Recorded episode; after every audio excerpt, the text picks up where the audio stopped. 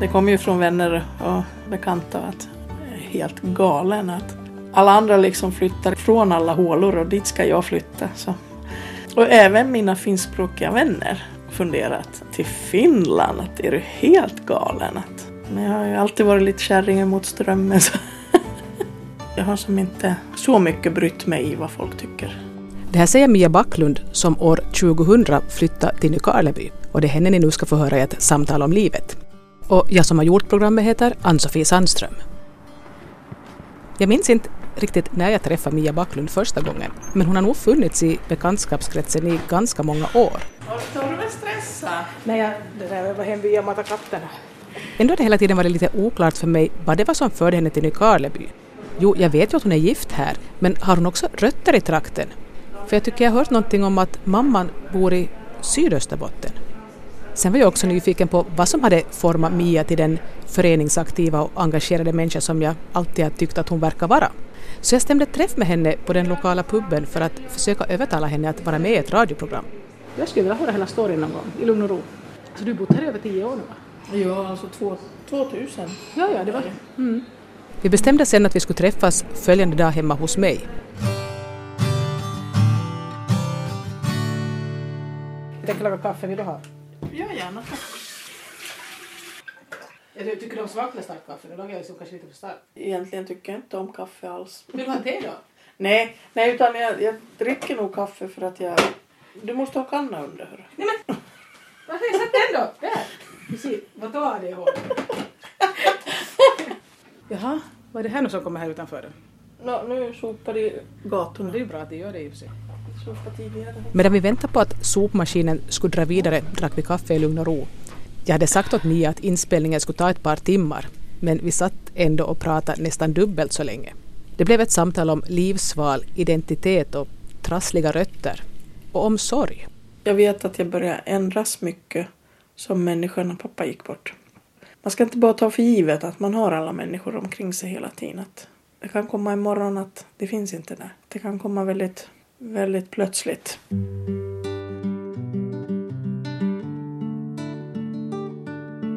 Jag heter Mia Backlund. Jag är 44 år och jag bor i Nykarleby centrum. Jag är född och uppvuxen i Sverige. Jag är gift här i Finland med Kenneth och flyttade hit då 2000. Jag har en dotter, Denise, som är snart 24 år. Just nu så jobbar jag med utvecklingsstörda på ett gruppboende. Och som person är jag väl, jag är väl ganska snäll men, men till en viss gräns att jag tycker inte om om man utnyttjar mig. Då lägger jag stopp. Jag hjälper gärna till men inte om man försöker utnyttja mig. Jag är väldigt flexibel. Att jag har inte sådär att det måste som om någonting är beslutat så här ska man göra så. Jag har insett att världen går inte under om man ändrar på sina planer. Att det går nog bra att göra. Ja, vad ska man säga? Jag tycker om djur och människor som ger mig någonting. Att människor som bara tar och tar så de klarar jag mig utan. Att det ska vara människor som ger mig någon sorts energi. Så tycker jag om att läsa och lyssna musik. Jag ber Mia berätta mer om sin uppväxt. Jag växte upp i Järfälla i Sverige. Järfälla kommun. Så först bodde jag där i Jakobsberg och sen i Viksjö. Och när jag sen vart vuxen så flyttade jag, jag flyttade hemifrån så vart det till Täby. Så du har varit liksom utanför Stockholm, men att däromkring, alltså nära Stockholm? Ja. Är då Mia Backlund Sverige-finländare eller Sverige-finlandssvensk eller utflyttad österbottning som har kommit tillbaka eller? Ja, svår fråga. Jag är ju alltså född i Sverige ju, det är jag. Men min mamma är ursprungligen från Kouvola. Och sen min biologiska far, som jag inte har växt upp med, han är finlandssvensk. Men att han, han flyttade ju som, som liten. Han, flyttade han, hade, till, han hade flyttat till Sverige med sina föräldrar? Liksom. Ja, med föräldrarna som, som barn. Så. Jag tog kontakt med han när jag var vuxen. För det var, det var ju nog hans eget val. Mamma hade ju alltid sagt när de skilde sig att han fick hålla kontakt. Men han ville inte. Eller han ville sen någon gång, kan jag ha varit 18. Men då valde jag att inte. Jag ville inte då. Jag tyckte jag hade inte det behovet. Jag har växt upp med en, en annan som jag kallar för pappa. Så jag hade inte det behovet att jag behövde. Men han var finlandssvensk. Jag vet inte riktigt var han exakt är född men min biologiska farfar då var i alla fall från Ekenäs. Så. Vilket var ditt hemspråk när du växte upp då? Alltså mamma sa ju att vi ska lära oss finska så vi har ju alltid pratat finska till alla, alla barnen hemma men självklart så pratar vi ju svenska också. Att... Och den man som du sen kallar pappa som inte var din biologiska pappa, vilket språk talade du med honom? Det var också finska. Ja, han, så han, fin- ja, ja, ja, så på så sätt var det ju som lättare då att eftersom han men sen med min biologiska far så var det ju då var det svenska som gällde sen. Kompisarna då, var de finnar eller svenskar? Då när jag var liten, då var ju alltså mina kompisar, de, de var ju som svenska de flesta. Men sen eh, när jag blev äldre då, så, som jag vart bästa kompis med, så hon var klasskompis, hon var faktiskt, men hon flyttade till Sverige från Finland då, var, var sommar mellan tvåan och trean eller trean och fyran. Men det blev också sen att vi pratade mest svenska hon och jag, att när hon väl lärde sig svenska. Så att. Jag frågar Mia Backlund om hon idag kan uttrycka sig lika bra på finska som på svenska. Jag kan flytande men det är det som är så dumt att säga man kan finska för sen när det gäller vissa så kan jag inte gå till en läkare. Jag kan inte kommunicera på finska då. Jag kan inte kommunicera tekniska grejer. För det är ju alltså, jag kan ju det här vardagsspråket man har och faktiskt ganska, ganska bra. Så det är ju oftast om man då säger ja, jag kan finska och så pratar man och sen när man inte, ja, nej, någon, det där, nu, nu hänger inte jag med, nu, nu förstår inte jag, nu kan jag inte förklara mig mer. Det blir, jag har bland annat fått höra när jag jobbar på båt att de tyckte att, ah, att jag är lite märkvärdig av mig, att jag ska som låtsas vara lite, lite finare och låtsas vara svensk, att, att säga att jag inte kan. Det blir som, det blir stopp. Men du sa att din mamma härstammar från Kouvola. Har du då hå- hållit kontakt till dina släktingar där och du har varit besökt Kouvola mycket när du var barn eller senare? Ja, ja, ja, absolut. Eh, Det är väl mycket därför egentligen säkert som man ändå kan finskan så pass bra. För jag var ju mycket på somrarna hos mormor och morfar. Det var som väldigt viktiga för mig. Men du kände aldrig någon sån dragning att du skulle flytta då till Nej. Tivetten, att du skulle till finska nej, Finland på det nej, sättet? nej. Och jag vet inte om jag skulle klara av det än idag heller sådär att jag känner inte.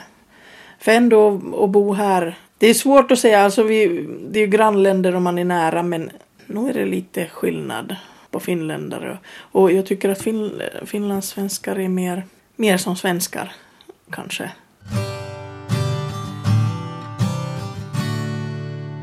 Jag frågade Mia Backlund vilka ämnen hon tyckte om när hon gick i skolan. Matte. Jag tyckte jättemycket om matte. Och just mm, vi hade som lästimmar, vi fick läsa. Jag har alltid tyckt om att läsa. Ända sedan jag var liten. Jag har ju tyckt om att laga mat och baka. Egentligen inte var det, de flesta ämnena gick ju bra. Jag har bara ett ämne som jag, som man istället frågar mig, vad är det jag inte tycker om? Så biologi. I princip så gick allt annat men och folk brukar ju ofta, ja, no, det beror på lärarna, det beror. Men jag hade samma lärare i matte som biologi. Så det beror inte på det. Vad hade då Mia under skoltiden för drömyrken? Ja, det har ju varierat. Det enda jag det enda jag sa var att jag ska aldrig jobba inom vården. Men jag tror mer att jag menar inom sjukhus. Mamma, mamma jobbar på Karolinska. Min ena syster är ju sjuksköterska också och jobbar där. Och, och jag har också varit på praktik här. Och det är nog så att det, det passar inte riktigt mig att det här vården, att det är som för jag vet inte, monotont. Jag vet inte hur jag ska förklara mig. Men jag, det här vården som jag jobbar med nu med utvecklingsstörda, man kommer ut och man kan göra saker med dem och allt möjligt. Men att bara gå in, nej. Nu ska jag inte säga det, jag jobbar i och för sig inom industrin i Sverige. Det var ju bra kollegor och hade bra sammanhållning och så. Men att sjukhus och sånt, nej det passar nog inte mig. Så vad valde du sen när man skulle välja linje då efter? Alltså jag har gått verkstadsteknisk. Till sista året sen skulle man välja då att om man skulle ha svarvar och fräsar och grejer eller om man skulle välja svets. Så, så jag valde ju maskin då. Var det i Sverige också på den tiden att det var en sån pojkdominerad utbildning? Ja, vi var två tjejer i klassen och resten grabbar. Hur var det då? Men det var, det gick riktigt bra att inte var det. Inte kände jag någon gång varken från lärare eller klasskamrater att det skulle vara något. Sen sökte Mia Backlund jobb inom samma bransch. Men då var ju problemet då att de hade ju som inte omklädningsrum för tjejer och det var det ena och det andra. Så då gjorde jag på skoj bara när de sökte till det här som jag sen jobbar vid. Så att nå, jag går dit ett tag. Och, men så trivdes jag faktiskt. Det var, vi gjorde wellpappkartonger så jag trivdes. Och det var ju maskiner där också som man jobbar med. Så det var det ju. Där lämnade jag då i flera år. Egentligen tills jag skadade ryggen där så var jag där. Och jag var faktiskt sjukskriven väldigt, väldigt många år. Jag var sjukskriven ännu när jag kom till Finland. Och det fick, Vad var det som hände med din rygg då? Liksom var det... Vi hade lite kris på jobbet. Det var mycket folk borta och så hamnade jag vid en maskin och så skulle jag lyfta, lyfta en bunt som med rätt teknik och lätt att lyfta fast det nu inte väger mycket. Det vägde väl över 50 kilo var det. Men då i min stress så lyfte jag samtidigt som jag vred med vicket. Och jag kände ju att det small till i ryggen. Och jag tog mig hem. Men sen var det inget. Alltså jag, jag kom inte upp sen någon mer. Så. De hittade ju att jag hade fått som diskbråck. Och jag låg ju sen på sjukhus och grannen körde mig dit. Och jag var flera gånger fastande för att de skulle operera. Men det är ju risk att man måste som steloperera sen. Och det blir. Så att, men det slutade med att de opererade inte och jag gick på rehabiliteringar. Och, men det ville inte ge med sig och jag var fortfarande sjuk när jag kom till Finland. Och. Men alltså hur klarar man av att gå omkring med smärta i många år? Jag menar vad, hur, hur hanterar man det? Ja, alltså inte, inte är det ju lätt. Jag har ju väldigt hög smärttröskel, det vet jag ju att jag har. Men tyvärr är det väl dottern som har fått lida mycket. Att hon var ju ändå ganska liten, hon var ju sex år när det hände. Så, att, så det är ju mycket som man har fått som lämna bort då, att, som inte har fungerat. Jag har inte kunnat gå på det. För det är klart, det var dagar när man var riktigt rörlig och så var det dagar när man var sämre. Det fanns ju där hela tiden. Åt du smärtstillande för att stå ut? Ja, nu hade jag ju på mig. Jag åt ju det så lite som möjligt för att... Alltså jag blev ju trött av dem och sådär. Så dåsig så. Men så fick jag tips om en i Jakobstad. Jag vet inte nu om han är naprapat eller vad han är till yrket. Men jag var dit två gånger och han vred till ryggen. Efter första gången så hade vridit till så tyckte jag att nå, känna efter hur det känns. Jag ställde mig upp och sa ja, det här vart ju inte bra. Nu, nu är jag sned. Och då skrattade han och sa att nej, nu är du rak. Men två gånger var sen, sen kunde jag ju börja på att jobba igen. Och,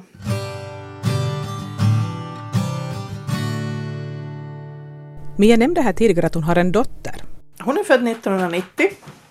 Du var gift alltså då i Sverige? Ja, jag var gift då i Sverige. Som ganska ung då eller?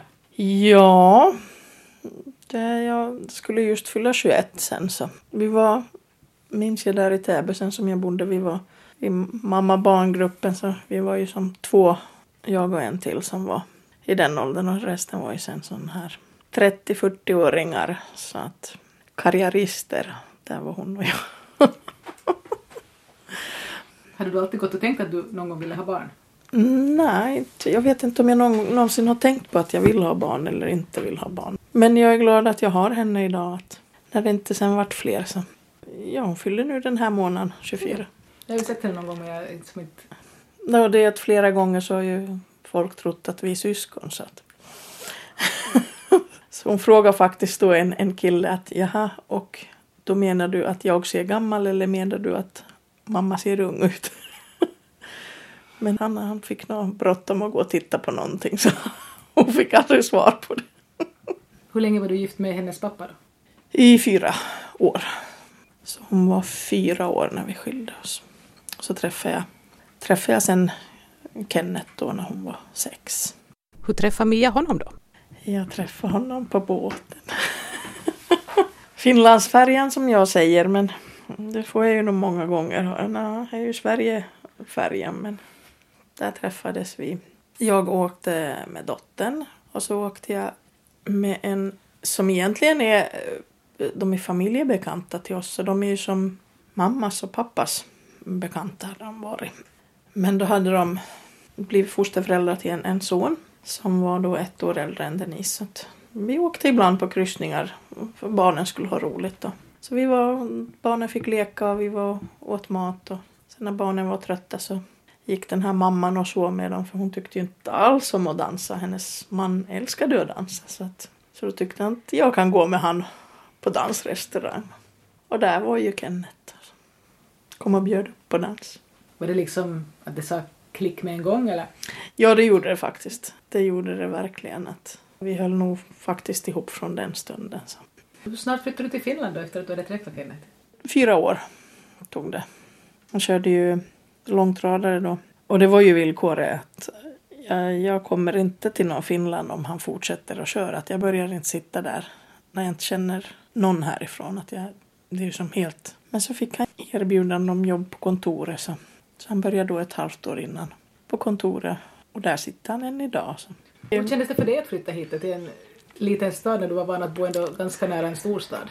Ja, det kom ju från vänner och bekanta att helt galen. Att alla andra liksom flyttar från alla hålor och dit ska jag flytta. Så. Men jag har ju alltid varit lite kärringen mot strömmen. Så. och just, speciellt just att till Finland, att är du helt galen. Att alla flyttar ju från Finland. Och även mina finskspråkiga vänner funderat om jag har blivit helt galen. Men att nej, så jag sa att jag ska ge det fem år. Att in, om jag inte börjar trivas inom fem år, alltså då... Att jag kan inte bara flytta dit och känna att nej, det här går inte att flytta tillbaka. Så att när man pratar med folk så just väldigt många finländare hade ju nog väldigt förutfattade meningar om österbottningar. Så. Nej, det går inte att komma in där och det, det är nog så blyg och det går inte att bli vän med dem. Och det var ena och andra så därför tänkte jag, att jag ska ge dem fem år. och jag har ju märkt när jag varit här att det inte som alls varit att jag har nog tyckt snarare att det har varit väldigt alltså trevliga människor. Jag tycker jag har blivit väl mottagen här. Att, Hur länge tog det för dig att vänja dig att vara här? Du hade gett det fem år. När började du känna att du... När bestämde du dig för att stanna? Det kom egentligen ganska snabbt att jag tror att... Alltså, jag tror jag visste redan inom ett halvår någonting att, att, jag, att jag nog kommer säkert att stanna här. Så att, jag kom ju 2000, så 2000 då började jag på Eftis. 2006 började jag jobba. För det var född 2000, mina små Eftisbarn. Hur blev det att hon började jobba just med det då?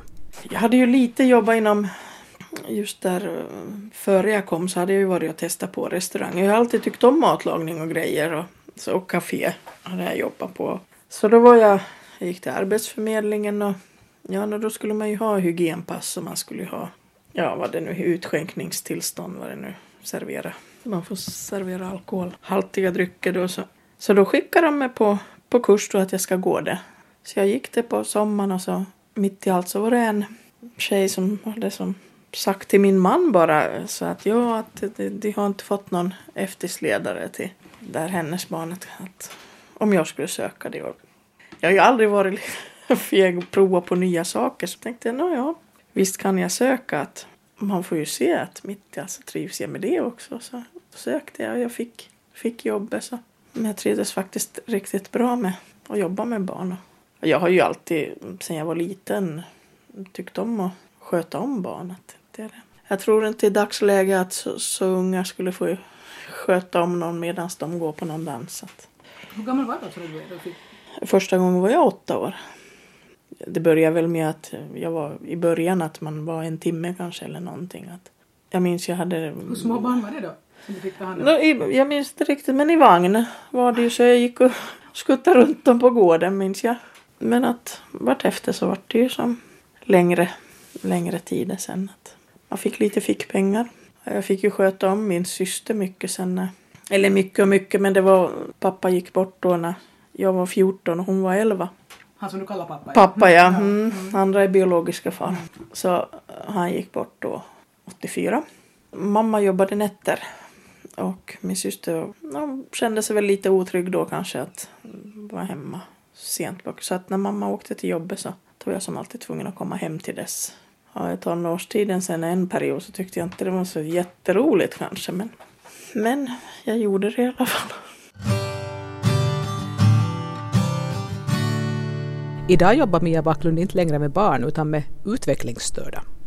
Jag började som inhoppare då på ett boende. Det var riktigt slutet av december 07. Och sen så blev det som mer och mer. Och sen fick jag vikariat och jag kombinerade. Men sen, sen var det att på eftis fick jag så, så lite timmar skulle jag fått. Men ändå jobb varje dag. Att det skulle bli jobb några timmar om dagen. Då tyckte jag att jag kan inte jag kan inte börja binda med att vara fast varje dag för så lite timmar som det skulle ha blivit. Så, så då valde jag att sluta och börja som helt och tog på vinst och förlust. Att man får ju se hur mycket jobb det finns och det ringer från alla håll och kanter. Så, att, så jobb finns ju att eh, folk är sjuka och det är semestrar och inte har det varit brist på jobb. Och egentligen så är inte, jag trivs ganska bra med det egentligen. Man inte, fast man får, man får lite själv bestämma att nu ska jag på semester och nu. Tar ju ingenting liksom. Nej. Ja. Men faktiskt så, alltså de här klienterna där jag jobbar och andra klienter, det är inte bara dem man träffar. Man träffar ju mycket andra klienter också så de ger nog en väldigt mycket att man skulle som inte kunna kanske tro det för väldigt, väldigt många är ju som rädd för dem och, och har sagt det också att de är rädd. Men att de har sån enorm glädje och de, de säger ju vad de tycker och, och tänker. Och, och det är väl kanske lite att jag tycker om det, att man, om någonting är fel att man säger det. Att, att man inte går bakom ryggen. Och, utan är det någonting fel så tycker jag om att man säger det. Jag, jag är faktiskt väldigt bra på att ta kritik. Att, och jag vill att man kommer och säger åt mig om jag gör fel. Så därför är de här människorna det så härliga tycker jag. De säger nog, man vet nog vad man har dem. Man ser när de är arga och man ser när de är glada. Ja, man får ju en känsla av att du trivs med ditt jobb alltså. Det märker man ju när du pratar om det när du... Ja, ja, ja, ja jag trivs faktiskt enormt bra. Jag tror inte så, för jag lägger nog ner lite mer än min arbetstid på dem. Det gör jag ju. Att jag, jag har inte så noga med att den här arbetstiden är att ja, nu är det slut. Att jag, kan nog, jag har nog tid att prata med dem. Och om de vill att man kommer in och pratar med dem efter att man har slutat så det gör ingenting om det får över en halvtimme eller det gör ingenting. Det bjuder jag på.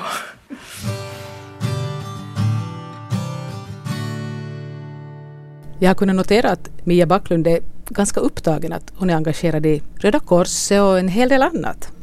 Jag hade ju varit aktiv i Sverige men jag var liten när jag kom att jag skulle inte vara så jag satt i så mycket olika styrelser och jag var sekreterare och jag var ena och andra. Och då, då var jag liten när jag kom till Finland. Aldrig mer föreningsliv. Never. Det är nog färdigt med det. När det gick ju några år, jag minns inte. Och det började ju med Röda Korset sen. Mitt i allt så satt jag i styrelsen. Men jag, styrelsemedlem kan jag vara men jag blir inte någon mer någon sekreterare eller något annat. Nu sitter jag i Nej, nu sitter jag faktiskt bara i Röda Korset. Men sen sitter jag i Röda Korsets österbottniska mångkulturella utskottet. Sitter jag i. Men där, där har vi som möte en gång i månaden ungefär. Så det är i Vasa då att det går ännu. Men inte fast man inte har mycket styrelse nu. Nu är det mycket, det är mycket som går åt i Röda Korset. För jag, jag har gått utbildning så jag utbildar. Jag är utbildad inom socialtjänst för Röda Korset. Så jag drar ju lite kurser ibland. Det är ju kurser för de här som vill bli vänner för Röda Korset som jag drar då. Och jag har ju då själv blivit frivillig inom det här mottagande av kvotflyktingar som har kommit till Nykarleby. Så där har jag varit med ända sedan det här första omgången med afghaner kom. Så, eller det har ju kommit i två omgångar. Så har jag varit med och tiggt möbler här och där. Facebook, bra grej. Tigga på. Mycket folk hör av sig och skänker men just att vi i alla fall har fått möblera så det ser lite ut som ett hem. Jag tycker att de är, som har kommit till Nykarleby, jag kan inte prata för andra kommuner som har tagit emot men jag tycker att kvotflyktingar som har kommit till Nykarleby har varit väldigt tacksamma. De är väldigt glada och väldigt givmilda när man går dit. Att det ska kokas te och det ska bjudas på mat och det ska bjudas på en och andra. Och de trivs här i stan så det är ju jättekul att de vill gärna bo här. Hur kommer det sig att Mia vill engagera sig just i det här med kvotflyktingar? No, mycket är att jag har egentligen som ung haft också en dröm att jag skulle ju egentligen vilja åka som nå, med någon hjälporganisation utomlands. Men då vart jag ju mamma där i unga ålder och så tänkte man att nå, inte ska man ju åka så länge hon är liten. Och, eller jag tänkte det. För hur man än vänder och vrider så är det alltid klart alltid en risk när man åker till länder där det faktiskt är kris och det är kanske lite krig och sådär. Men nu är ju det att åldern börjar komma emot och kanske så det har som aldrig blivit av det här att komma utomlands och hjälpa till så då har jag fått hjälpa till här istället. Och, och jag kan ju, de kommer ju, de får ju hjälp med, jag, jag kan ju berätta att när jag kom, jag kom ändå bara från Sverige men jag hade det inte lätt med pappersbyråkratin i det här landet. Det tog mig över två år innan jag fick mitt FPA-kort. Då började jag tänka att Ja, stackars de här. Nå, nu är det här kvotflyktingar så du får väl kanske lite mer hjälp, jag vet inte. Men alltså asylsökande, oj oj oj. Som jag brukar säga till de där mina afghanvänner att ja, men jag är också flykt, jag är, jag är båtflykting från Sverige.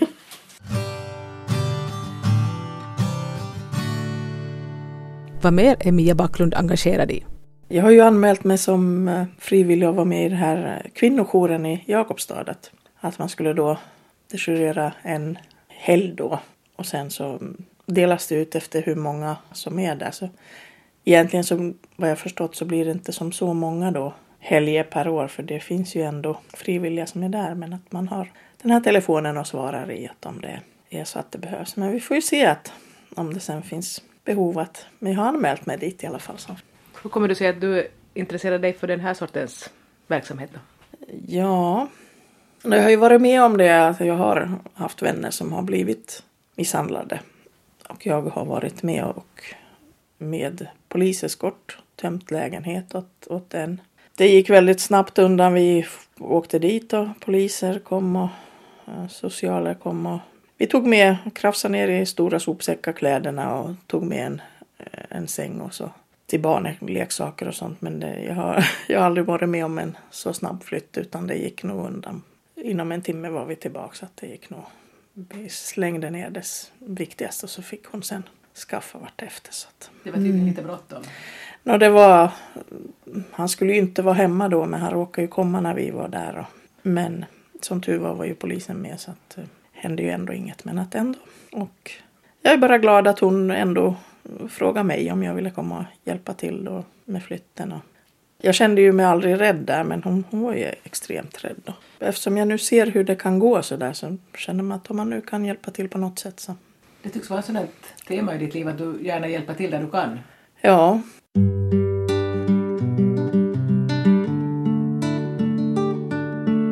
Det här är ett samtal om livet med Mia Backlund i Nykarleby. Och jag frågar henne om hon sådär i stort sett är nöjd med sitt liv idag.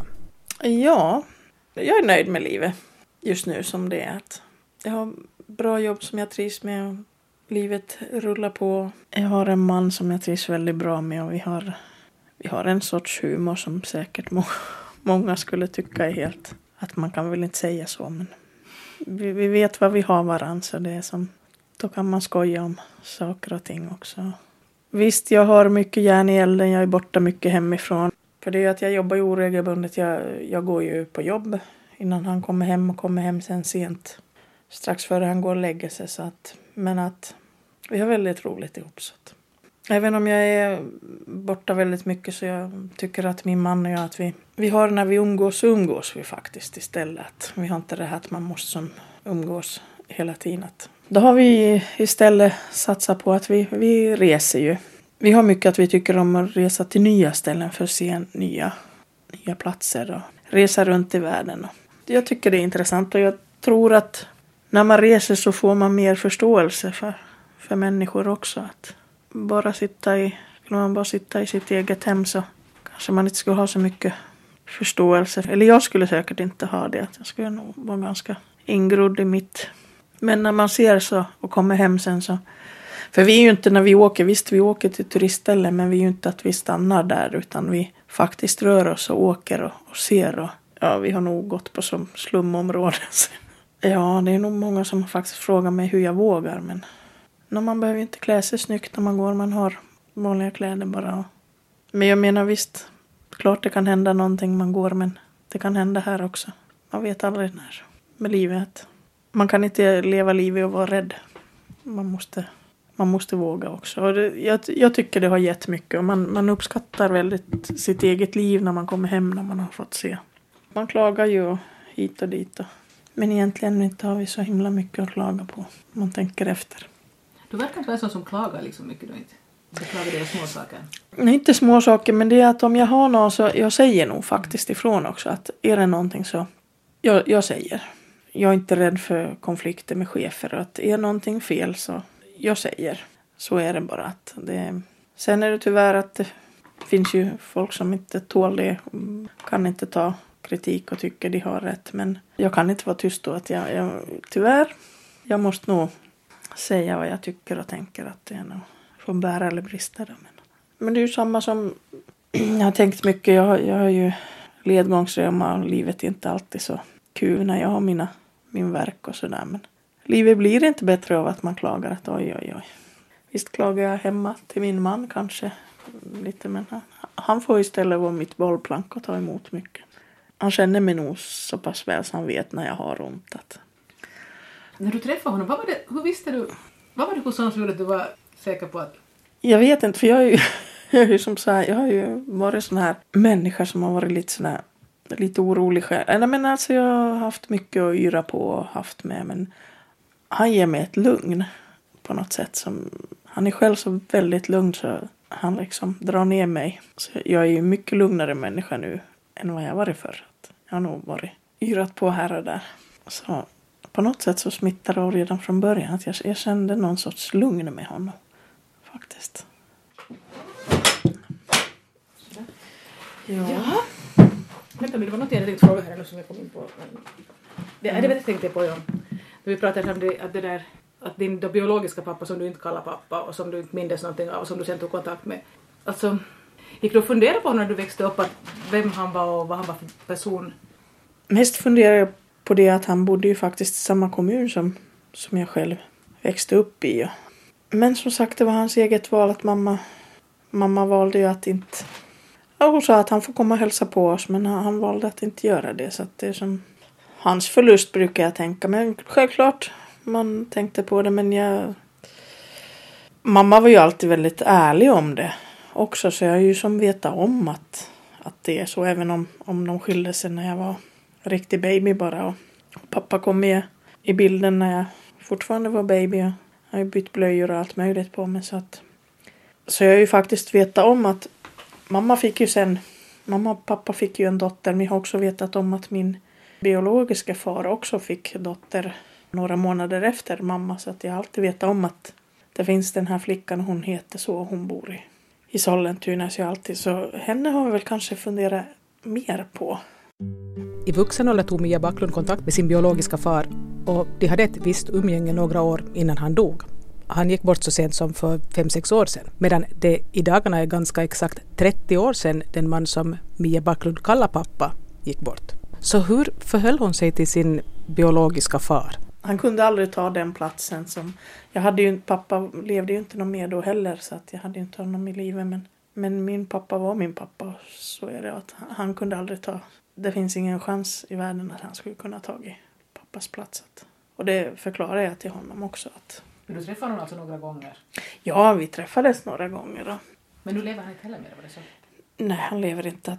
Alltså jag minns inte vilket år han dog men att... Men det var när du bodde här i Finland alltså? Jag bodde här i Finland. Och han skulle ju än idag inte vara 70. Men hur var det då när din, när din pappa dog? Det är han som du faktiskt uppfattade som din pappa när han dog? Det var faktiskt väldigt det var traumatiskt för att han, han dog ju hemma i sömnen.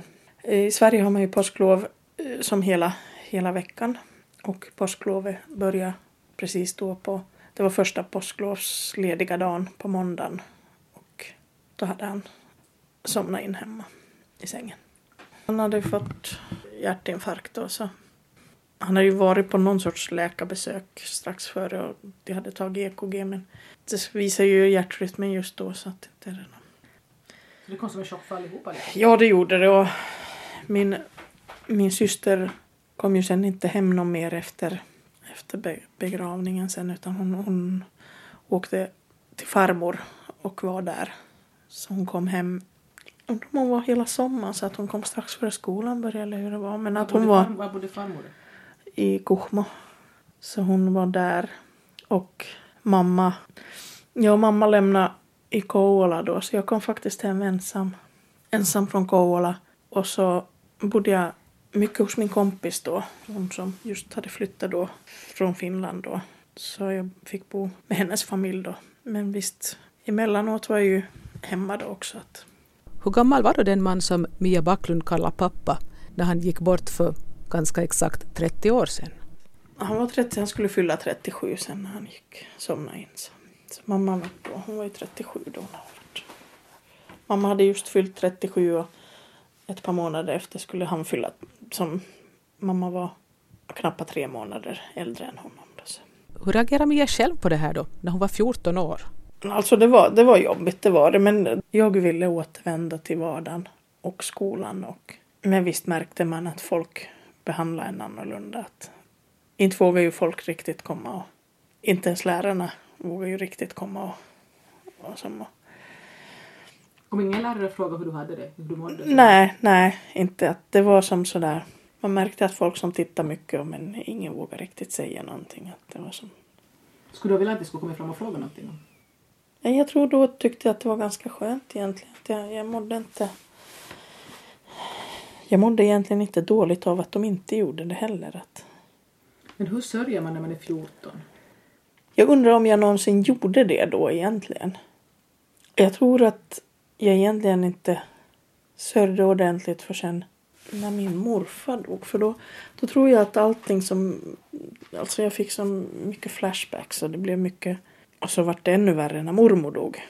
För jag hade ju som varit mycket med mormor och morfar så det var ända sedan jag var barn.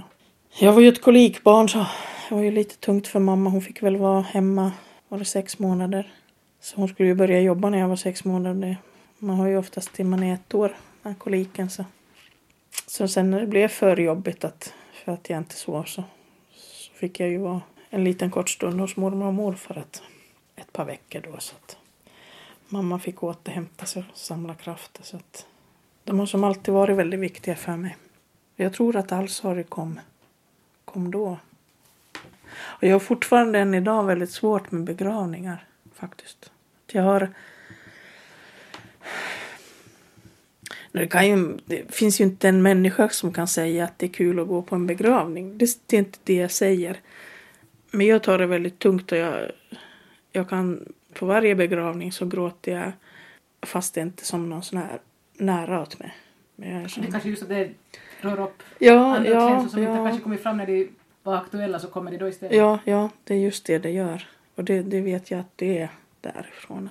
För det vet jag just med min biologiska far då när han dog. Och jag grät nog enormt men jag kände aldrig att jag riktigt sörjde honom faktiskt där. Att, att jag tyckte att det var att visst inte var det ju kul att han heller dog. Det kan jag ju, det kan jag inte heller påstå. Men, men ändå så grät jag riktigt. Usch. Men jag har det på alla begravningar jag går på. Så är det. Känner jag den där. För det är ju samma med mormor och morfar och det gick ju också bort. Morfar hade ju fått hjärnblödning men han hann ju till sjukhuset men inte mer än så.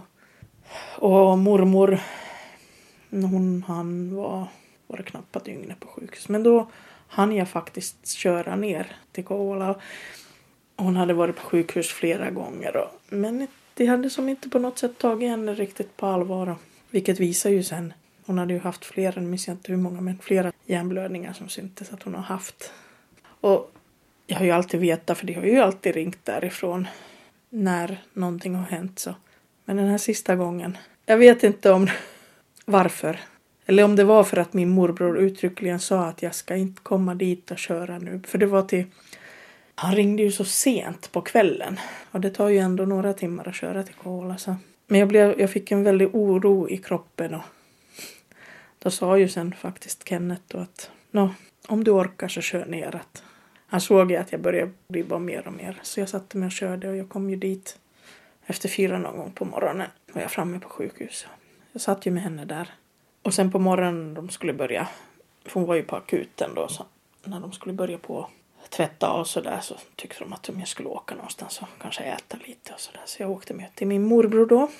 Och sen var vi, åkte vi dit på eftermiddagen. Och, men just sen när hon somnade in så var faktiskt ingen just där hos henne. Så vi hade just varit där strax före och så skulle min moster, men hon hann inte dit innan.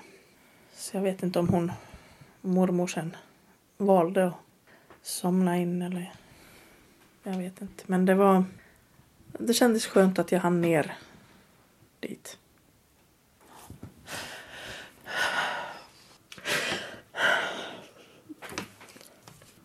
De är ju lite osäkra på att om hon var vid medvetande då någon mer men åtminstone när jag pratade med henne så, så började det som rinna tårar. På henne så jag tolkar i alla fall som att hon, att hon visste att jag var där. Jag vet inte.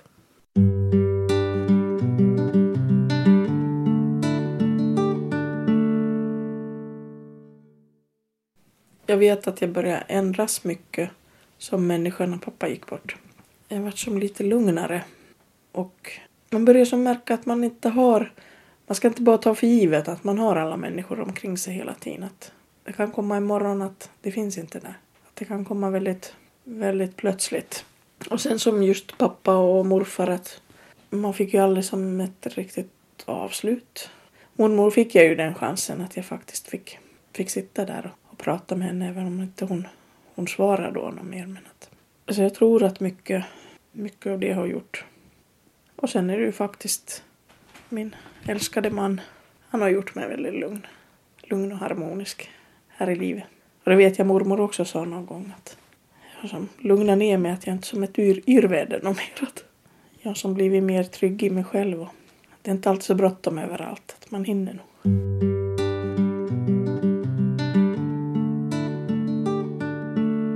Men hur var det nu då med Mias mamma? Hon hade flyttat till Sverige på 60-talet för att jobba inom vården. Men är hon fortfarande kvar i Sverige?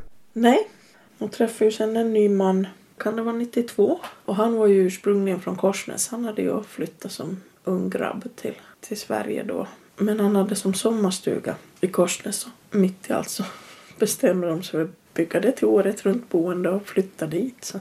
Så nu bodde mamma i Korsnäs? Ja, alltså hon flyttade ju sommaren 96. Och det var ju i början av sommaren 96 som jag där träffade Kenneth. Så ni flyttade båda till svensk Finland? Ja. Märkliga svängar som livet har. Ja, därför är det lite sådär att ja, nu är du i Finland så nej. Ja, nej, jag är född så ja, så du har mamma där, nej. Det, det, det är lite mer komplicerat allting i ditt fall verkar jag. Ja, nej, inget ska vara enkelt. Du är från Österbotten egentligen. Nej, nej. Det, det är många som tycker liksom att ja, ja, nej, men du har som rötter i Österbotten. Nej. Eller ja, jag har ju mamma här. Ja, hon är härifrån. Nej. Så det, det går inte. Alltså, men om du måste ge ett kort svar då när folk frågar vad du vad säger du att du är? Jag är född i Sverige och Och nu bor du i Nykarleby. nu bor jag i Nykarleby. Ja. Mm. Sen när folk börjar rota i rötterna så blir det mer komplicerat. Ja. Skulle du säga att Nykarleby nu är ditt hem? Ja, jag har nog sagt. Jag har nog sagt här ska jag leva, här ska jag dö och jag ska helst begravas under någon, någon björk eller någonting. Det ska, inte, det ska inte vara för perfekt vid min begravning. så Det får vara lite löv och det får vara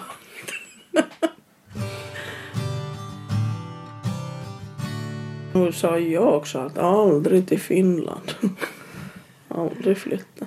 Här är Och aldrig skulle du jobba inom någon vården heller? Ja, nej. Det skulle jag inte. Man ska aldrig säga aldrig. Det har man nog fått lära sig. Det här var ett samtal om livet med Mia Backlund i Nykarleby och jag som gjorde programmet heter Ann-Sofie Sandström.